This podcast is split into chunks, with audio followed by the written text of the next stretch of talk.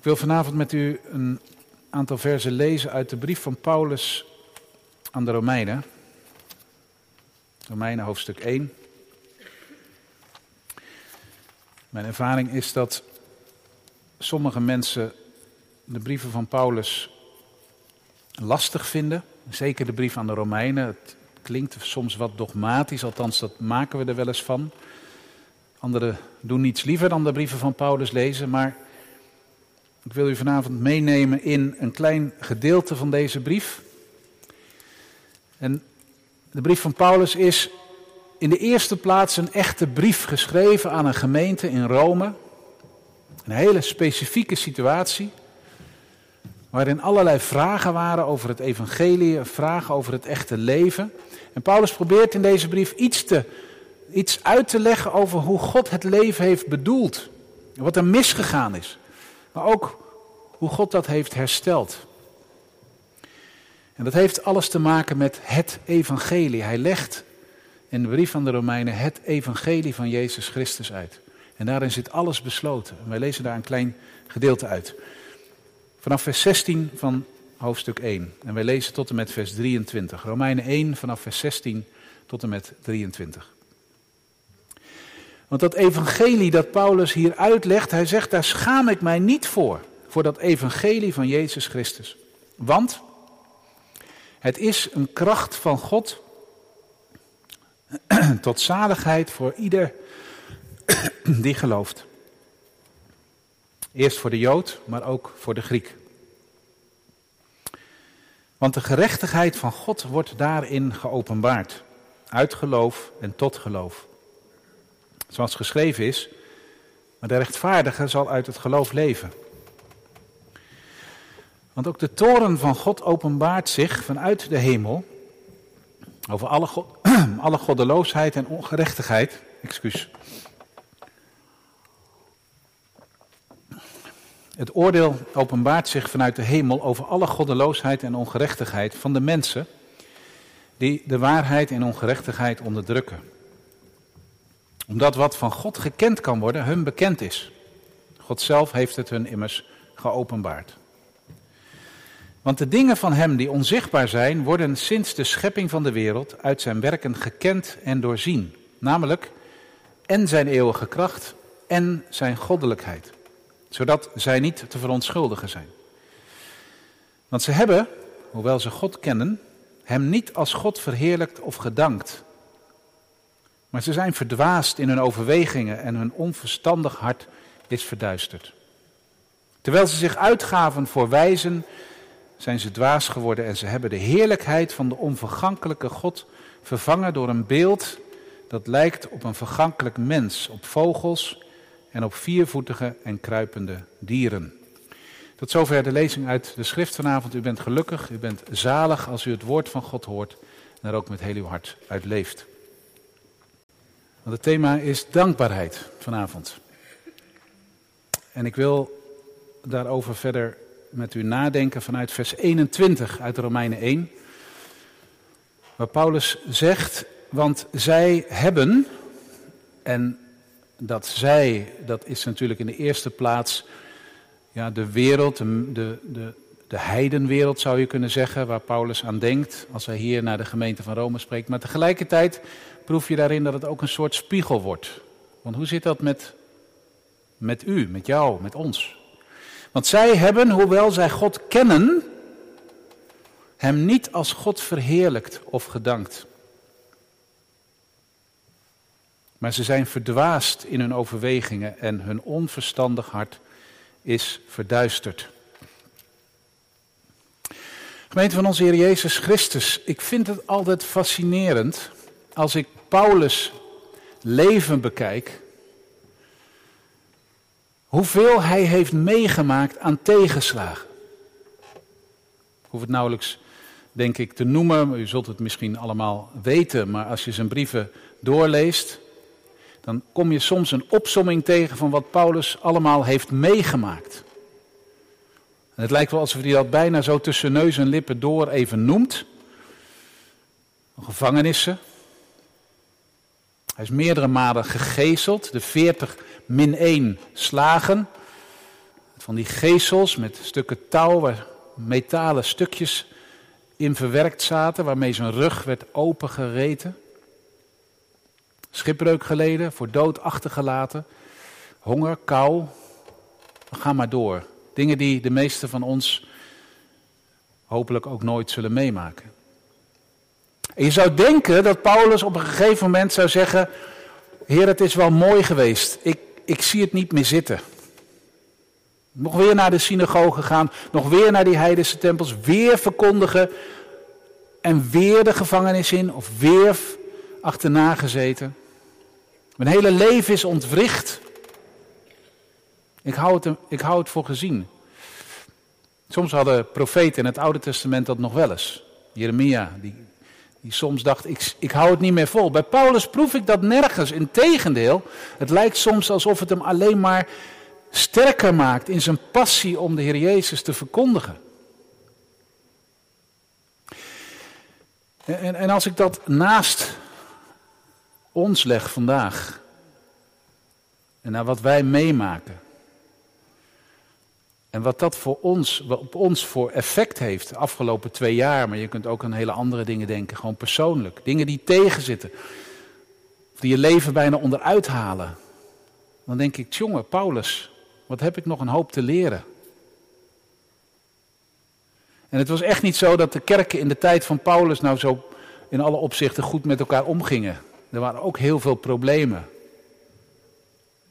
Als ik kijk naar de kerk vandaag, naar ons, in alles wat twee jaar corona met ons gedaan heeft, dan lijkt het alleen maar alsof we op drijfzand staan. En, en zelfs elkaar soms naar het leven staan. Hoe komt dat dan toch, dat Paulus zo overeind blijft? En vol vuur tot het einde van zijn leven getuige bleef van de Heer Jezus Christus. Dat heeft met dit evangelie te maken, waar hij zich niet voor schaamt. Dat heeft te maken met zijn leven, met zijn relatie met de Heer Jezus. En waarvan hij zich, zich telkens realiseert, dit is zo oneindig veel meer dan alles wat ik moet opgeven in dit leven. Alles wat er tegen zit. Hoe kan ik ooit dat loslaten?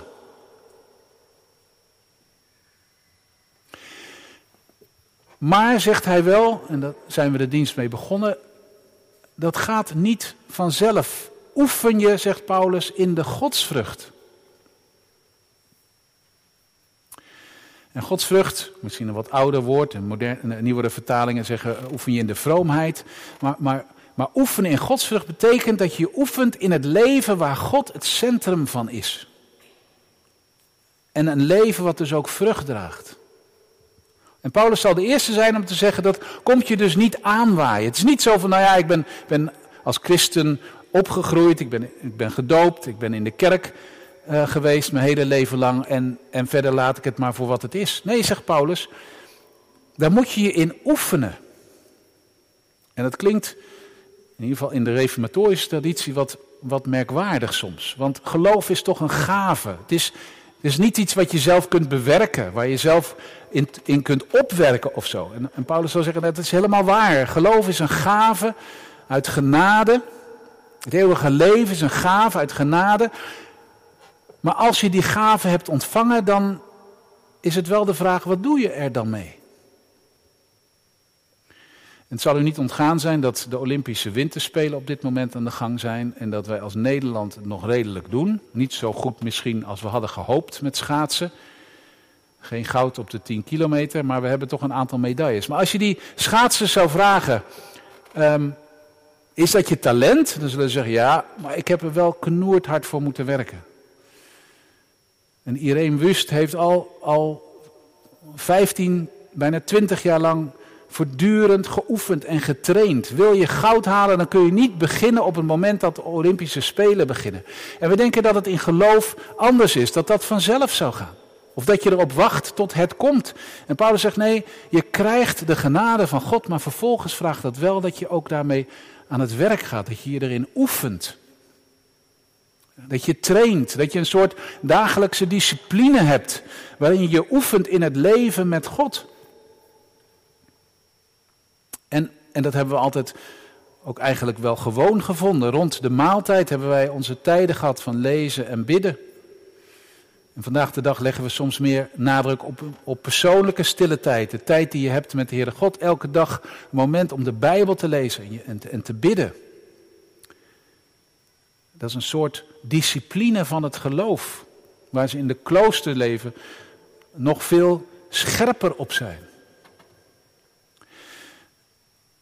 Vanavond wil ik u meenemen in een deel van die discipline van het geloof door te kijken naar de discipline van dankbaarheid. Hoe dat ons helpt om te oefenen, zodat in tijden dat ons leven geraakt wordt, het zij door voorspoed, om ons, ons bij de Heer Jezus weg te, te leiden, het zij door tegenspoed, door tegenwind, dat we niet zomaar omvallen.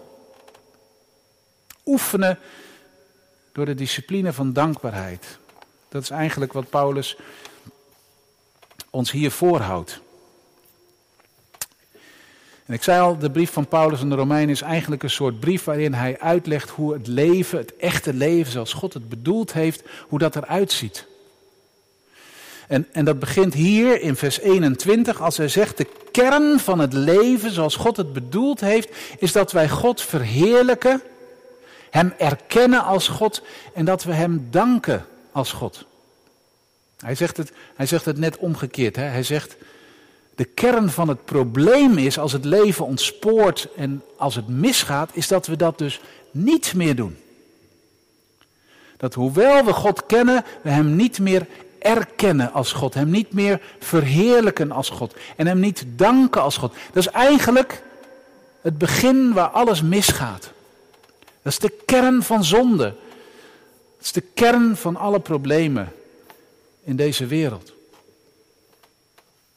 En ik kan dus omgekeerd zeggen, als je dus hierin oefent, als je, als je hierin leeft, dan train je je om standvastig te zijn, geworteld in het evangelie. Er zijn twee dingen die ik daarin naar voren wil halen vanavond. Het eerste is waarom moeten we God dan danken en erkennen? Waarom die dankbaarheid? In de tweede plaats, wat houdt dat dan precies in? Concreet ook in ons leven. Eerst maar eens even, waarom zegt Paulus dit nou? Waarom is dit nou de essentie eigenlijk waar het leven om draait? Nou, voor Paulus is het eigenlijk heel simpel, heel helder. Hij zegt, God is de schepper van hemel en aarde. Hij heeft jou en mij gemaakt. En hij heeft heel de wereld waarin wij leven gemaakt, ontworpen. En, en, en, vanaf het begin van de schepping is God, is God aan het werk geweest. En dat kan iedereen zien. Dat, God heeft dat niet in het geheim gedaan, maar alles is gemaakt. En daarin, daarin proef je de almacht en de grootheid en de kracht van de schepper. En, en vervolgens, toen het misging, is God begonnen met zijn volk Israël. En hij heeft zijn volk geleid, de geschiedenis door. En uiteindelijk heeft, is hij gekomen in de Heer Jezus Christus. Midden in het hart van de wereld, het Romeinse Rijk. God is aan het werk geweest. En hij draagt alle dingen door de kracht van het woord. En dat is precies waarvoor wij gemaakt zijn. Voor die relatie met Hem, om Hem echt te kennen. En dan niet kennen met je verstand of, of feitjes weten, maar kennen vanuit je hart, een persoonlijke relatie met God hebben, een intieme relatie. Dat is waar je voor bedoeld bent. En als God ons gemaakt heeft, als Hij alles gemaakt heeft, dan betekent dat dat alles dus ook van Hem is. U, jij bent er vanmiddag hier of thuis omdat God dat gewild heeft. Omdat God een bedoeling heeft met je leven. Omdat God een plan heeft met je leven. Het is niet toevallig dat je er bent. Het is geen ongelukje dat je er bent. Het is Gods wil geweest om ons te maken. En Hij heeft ons het leven gegeven als een cadeau. De Bijbel zegt uit Hem en door Hem en daarom ook tot Hem zijn alle dingen. En Paulus zegt in, in de eerste brief aan de Korinthe, zegt hij, er is maar één God, de Vader, uit wie alle dingen zijn. en voor wie wij zijn bestemd. En er is maar één Heere, Jezus Christus, door wie alle dingen zijn en wij door Hem. Anders gezegd, zonder Hem verliest het leven zijn betekenis. Ben je eigenlijk niets. En, Paulus zegt dat hier in vers 21. Hè?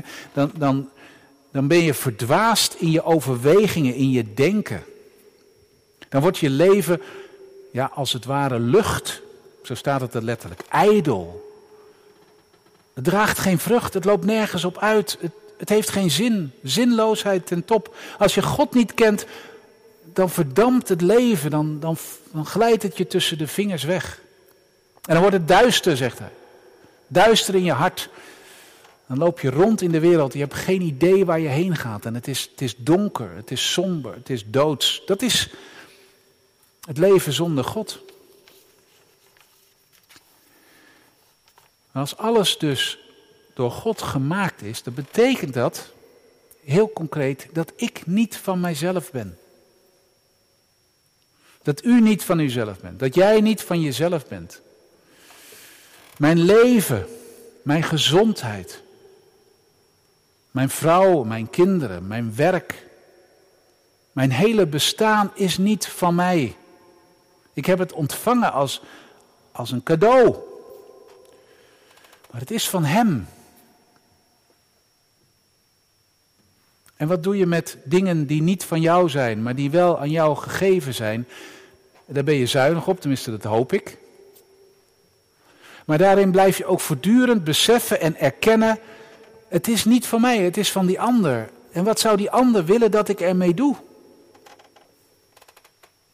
En als God alles gemaakt heeft, als alles van Hem is, dan betekent het dus dat wij ook Hem moeten erkennen als de eigenaar en vragen, Heere God, wat wilt U dat wij ermee doen met ons leven, met onze gezondheid, met de mensen die Hij ons toevertrouwt, met de schepping? Als mijn leven niet van mijzelf is, dan betekent het dat Hij van mij vraagt dat ik Hem erken als het geheim van dat leven. En dat ik Hem gehoorzaam in hoe Hij het leven heeft bedoeld. En dit gaat over zij, zei ik al. Hè? En we hebben heel gauw de neiging misschien om te denken, nou dat gaat over anderen. Maar indirect krijgen wij die vraag ook toegespeeld. Hoe is dat bij ons? Het staat ook zo haaks op hoe wij leven. En hoe we van nature geneigd zijn te leven. Niet God centraal, maar ik centraal. Ik weet niet of u op sociale media zit. Jullie op sociale media ongetwijfeld. Maar op sociale media gaat het altijd om jezelf. Sta jezelf in het middelpunt. En, en de vraag is voortdurend, misschien ook wel als het gaat over geloof, hoe kom ik eraf? Wat levert het mij op? Als ik naar de kerk ga, dan moet het me wel iets brengen. En als ik geloof, dan moet het, moet het mijn leven wel prettiger maken of beter maken. Ik, zie mensen om me heen die misschien al wat langer meelopen, ook in de kerk, geloof. En die op een gegeven moment, juist nu, deze afgelopen periode, zeggen van ja, wat heeft het eigenlijk voor zin om te geloven? Het verandert mijn leven toch niet. Wat heb ik eraan? Wat betekent het nou nog? En die vragen zijn reëel, die zijn ook serieus te nemen. En tegelijkertijd is de vraag, is dat nou waar het om draait? Als mijn leven niet van mij is. Gaat het er dan om dat ik gediend word? Paulus zegt, vers 23, op het moment dat God dus niet meer het centrum van je leven is, dan komt er van alles voor in de plaats. Allerlei beelden, zegt hij dan. Ja, wij maken geen afgodsbeelden meer. Tenminste, er komt nog wel eens een Boeddha-beeld tegen. Maar we hebben niet meer die beelden staan, zoals de Romeinen dat, op elke hoek van de straat.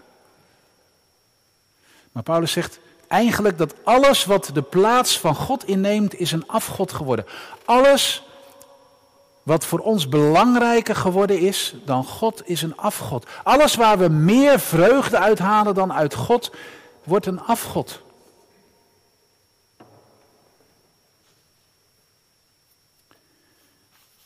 En daarbij kom ik vooral in het centrum te staan. Paulus zegt dus, hoewel zij Hem kennen, hebben zij Hem niet als God erkend. Dat is de eerste oproep. Als God de schepper is, is het toch niet meer dan vanzelfsprekend dat Hij ook alle eer krijgt, dat Hij het centrum wordt van ons leven. Maar wat betekent dat dan? Hoe doe je dat dan? Hoe is dat dan? Hoe kan God het middelpunt van je leven worden? Dat is eigenlijk het vervolg wat Paulus schrijft. Dat is het antwoord op die vraag. Hoe wordt God verheerlijkt, erkend als het centrum van mijn leven? Doordat wij Hem danken.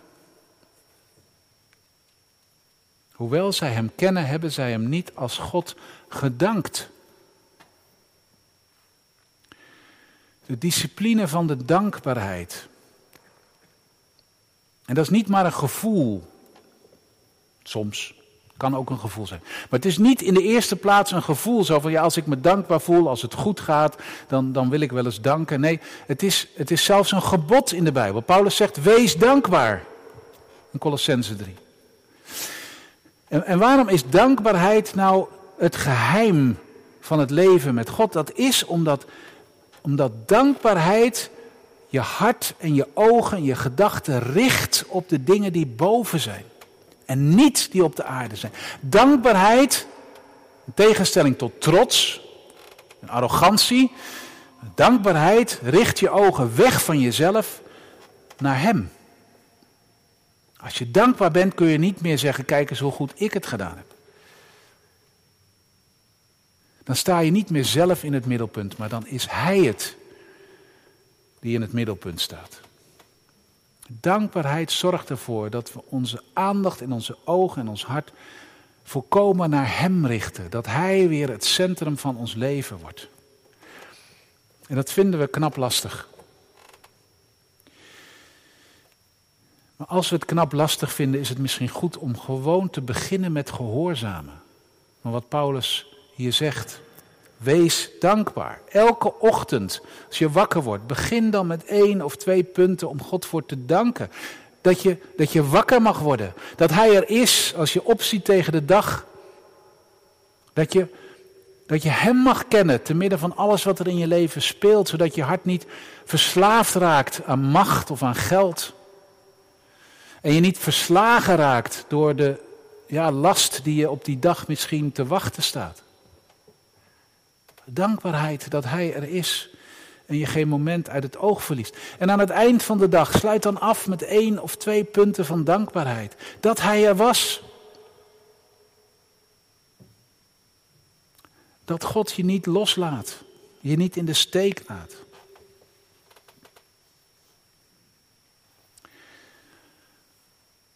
Als wij God niet danken,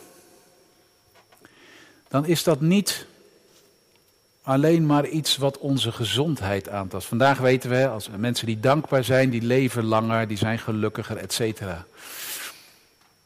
Maar daar gaat het hier niet over. Dat is ook niet het allerbelangrijkste, of je er nou goed bij voelt. Maar als je niet dankbaar bent, als je God niet dankt elke dag, dan zeg je eigenlijk tegen Hem, Heere God, we vertrouwen U niet. Dat het in ons leven goed komt. Eigenlijk geloof ik niet dat U het ten diepste in uw handen houdt. Dat U voor ons zorgt. Als je God niet dankt, dan zeg je eigenlijk, Heere God, U bent er wel, maar U bent bijzaak in ons leven.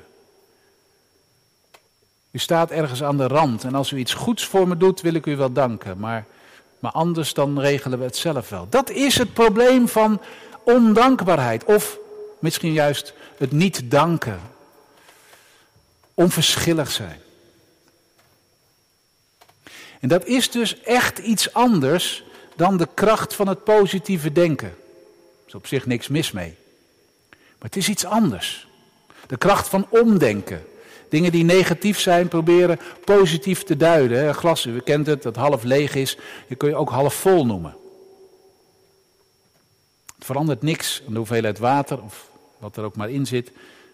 Maar het geeft wel een ander perspectief. Maar dat is niet waar het hier over gaat. En eigenlijk, als je nou de, de realiteit van het leven kent, dan is omdenken op heel veel momenten ook gewoon onzin. Op heel veel punten kan het helpend zijn, maar als jij aan het graf van je geliefde staat,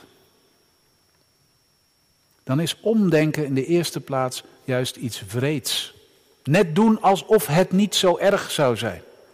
Of als je tegen iets vreselijks aanloopt in je leven. Of je krijgt de boodschap dat je ziek bent, maar niet meer beter wordt. Dan is omdenken ja, eigenlijk, eigenlijk een, een fars, een, een vrede grap. En weet u nou, wat nou zo mooi is in de Bijbel? Dat dankbaarheid in de Bijbel nooit betekent dat God zegt, joh, alles wat je meemaakt, het valt wel mee. Je moet er iets positiever tegen aankijken. Dankbaarheid betekent niet dat we al het lijden en onze pijn in ons leven onder het vloerkleed vegen. Dankbaarheid betekent niet dat de dood wordt goed gepraat als onze beste vriend. De dood is de vijand, het is de ultieme leegte. Het is de ultieme duisternis. De ultieme verstoorde van Gods goede bedoelingen van het leven. En de Bijbel blijft daar duidelijk over.